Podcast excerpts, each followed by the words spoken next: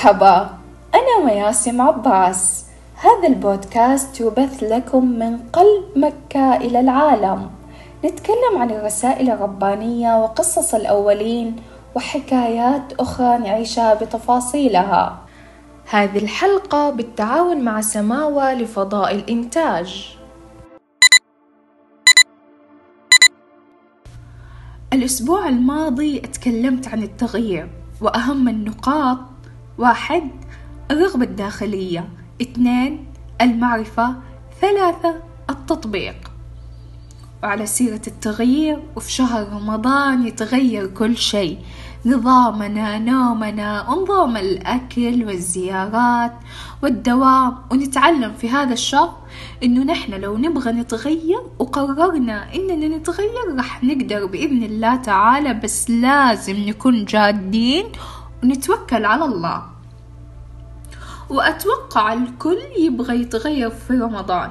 بس مشكلتنا إنه أول ما يجي رمضان فجأة كده نبغى نزيد في الطاعات والعبادات ونبغى حالنا نتغير من تحت لفوق. إحنا هنا راح نحس بثقل وهذا شيء طبيعي لأنه بطبيعتنا نحن البشر مستحيل نتقبل الشيء الثقيل اللي يجي كده فجأة بدون مقدمات. طبعا أنا ما أقصد من كلامي إنه العبادات ثقيلة لا. اللي أقصد أتخيل طول السنة أنت بتصلي الوتر ركعة واحدة فجأة تبى تصلي في رمضان تسع ركعات أو إحدى عشر ركعة. زي لما طول السنة ما تذاكر وإذا جاء وقت الاختبارات تبغى تذاكر كل الكتاب هل أنت راح تستوعب كل المعلومات؟ الجواب لا. كل شيء في الحياة عشان يصير عادة من عاداتنا لازم نتدرج. فعلى سبيل المثال في مرة قالت لي صاحبتي عشان نقدر نصلي قيام الليل في رمضان إحدى عشر ركعة لازم نعود نفسنا من دحين. فمثلا أول شهر صلي ثلاثة ركعات ثاني شهر صلي ركعتين زيد على ثلاثة ركعتين فيصيروا خمسة ركعات ثالث شهر زيد على الخمسة ركعتين فيصيروا سبع ركعات. وهكذا ألين ما يجي رمضان وانت بإمكانك تصلي إحدى عشر ركعة عشان من البداية عودت نفسك على الصلاة. طبعا هذا التدرج في كل الأمور سواء الدنيوية أو الأخروية.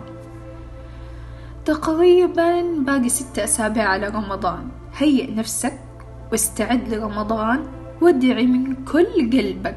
اللهم بلغني رمضان. اللهم بلغني رمضان اللهم بلغني رمضان. شهر رمضان الذي أنزل فيه القرآن.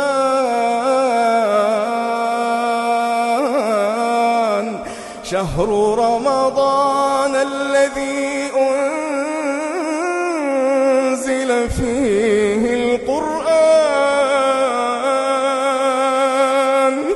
هدى للناس وبينات من الهدى والفرقان. فمن